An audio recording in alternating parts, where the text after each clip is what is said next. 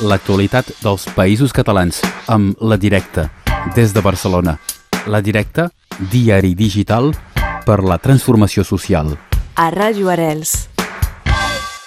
Establim connexió amb la redacció de la Directa en companyia del Jesús Rodríguez. Avui, bon dia, Jesús. Hola, bon dia. Avui ens interessem pel número 558 de la Directa amb un titular que fins i tot es fa difícil de llegir. Imaginem si les morts són invisibles, eh, tant com el, com el titular, eh? Sí, és una imatge de portada que ens ha fet l'il·lustrador Raúl Vélez i que el que vol aquesta imatge doncs, és precisament plasmar el que conté la investigació, el reportatge, centrat en les morts invisibles, aquelles morts que es produeixen a l'interior de comissaries, de centres d'internament d'estrangers o de presons i que tot el que passa després de la mort està envoltat eh, d'opacitat, de manca de transparència i d'un desemparament que denuncien les famílies d'aquestes persones mortes. El reportatge arrenca precisament amb el cas d'un ciutadà de Colòmbia que va morir ara fa tres mesos als calabossos de la comissaria del municipi de Rubí, a la comarca del Vallès Occidental, i la mort del qual no va ser en cap moment doncs, anunciada o informada per part ni de Mossos d'Esquadra, ni de policia del local, ni de l'Ajuntament. I la seva família, l'advocada que el representa, l'Associació Irídia pels Drets Humans i entitats de l'àmbit eh, de la comunitat colombiana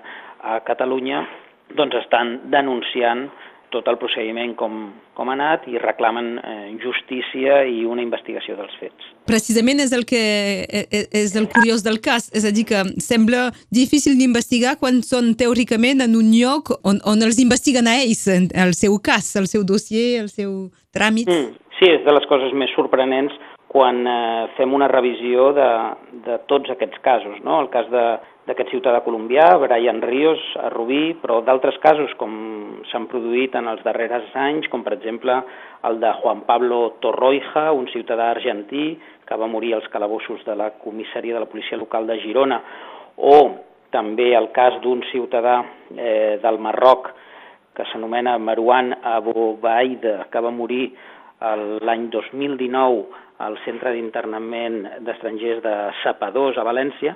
En tots aquests casos sorprèn la manca de diligència i d'investigació, malgrat que són espais que han d'estar sota supervisió i sota custòdia de la, de la policia, que estan vigilats en càmeres, i malgrat tot això, doncs, és molt difícil aconseguir que les famílies se sentin reparades i considerin que s'ha fet justícia en, en aquests casos. Segons la vostra investigació, quines són les principals causes d'aquestes morts?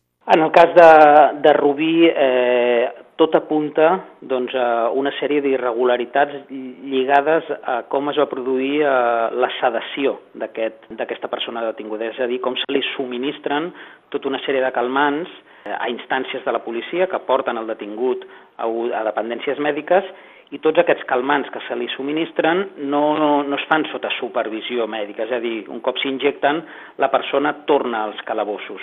Això té un impacte sobre el cos de la persona, però no es monitoritza tal i com està recomanat pels propis prospectes d'aquests medicaments i per, per les pròpies farmacèutiques que els elaboren, sempre diuen el que cal, si subministra un sedant d'aquesta intensitat, és monitoritzar el cos de la persona a la que se li subministra. En el cas de Brian Ríos, a Rubin no es va monitoritzar aquesta persona, després de subministrar-li els sedants, se'l va retornar a la, a la cel·la i simplement el que es diu en, a, eh, en els informes policials és que es va produir una mort eh, súbita, sense que s'acabi de determinar doncs, eh, si es podria haver actuat d'una altra manera per tal d'evitar de, aquest tràgic desenllaç. I uh, hi ha una xifra també que fa por, una mort cada nou dies a les presons catalanes? Sí, l'àmbit penitenciari és un dels que probablement és el que més morts eh, acumula sota custòdia.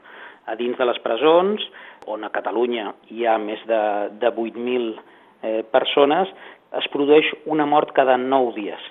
Ja són més de 30 les morts durant l'any 2022 i les raons eh, oficials per les quals s'han produït aquestes morts són, són suïcidis, són eh, sobredosis de consum d'estupefaents i en alguns casos morts que es cataloguen com a súbites o eh, indeterminades que estan in, en investigació i de les quals no es coneix eh, més detalls. Aquest és el dossier principal i el tema de portada del número 558 de la directa. Eh, Jesús, si mirem a les altres eh, cròniques, a les altres pàgines, també hi ha una entrevista a l'Espai del Mirall a un il·lustrador gràfic italià. Sí, parlem amb Zero Calcare, un il·lustrador novel·lista gràfic eh, molt conegut a, a Itàlia en els darrers anys i que ell eh, ens explica la seva, la seva experiència en l'àmbit de la il·lustració eh, posant unes línies vermelles. No? Ell diu,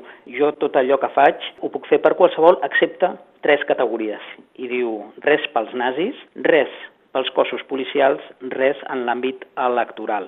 I per tant ja és una carta de presentació d'aquest il·lustrador del qual doncs, eh, en l'entrevista podem conèixer molts detalls de, de la seva obra i del seu pensament en l'àmbit del, dels moviments socials també a Itàlia. En l'apartat de Cruïlla eh, es parla de la biodiversitat perduda.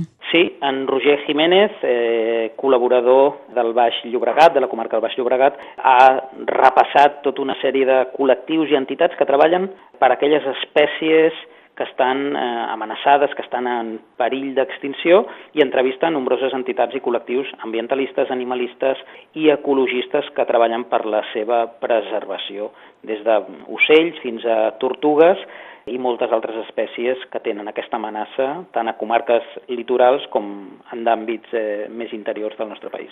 Eh, evidentment hi ha moltes altres temàtiques, però la darrera que destacarem és la repressió a la COP27 a Egipte. Sí, en parlem amb el nostre company, amb, un, amb el nostre company Marc Espanyol, des del Caire, amb un reportatge extens de quatre pàgines, on eh, destaca dues coses. Eh, parla de la repressió que s'ha viscut a l'entorn de la cimera, no? un, una cimera de, del canvi climàtic on teòricament doncs, hi havia d'haver un espai per a aquest debat i eh, per aquesta presència d'entitats, de governs, i que ha estat envoltada absolutament per la repressió. Ens dona la xifra de 1.000 persones detingudes durant eh, aquestes setmanes i també d'un balanç en el que ell qualifica no, la manca d'avenços a l'hora d'afrontar frontalment la crisi climàtica i, per tant, eh, la poca voluntat de les delegacions governamentals per tal d'afrontar tota aquesta situació difícil que, que vivim al, al planeta. No? Això és el que us recomanem al número 558 de la Directa al paper. També recordeu que teniu molts articles, moltes temàtiques tractades a través de la web. L'adreça és directe.cat. Avui n'hem parlat amb Jesús Rodríguez. Moltes gràcies, Jesús. Gràcies a vosaltres. Que vagi bon molt bé. Adéu, bon dia l'actualitat dels països catalans amb La Directa, des de Barcelona. La Directa, diari digital per la transformació social. A Ràdio Arels.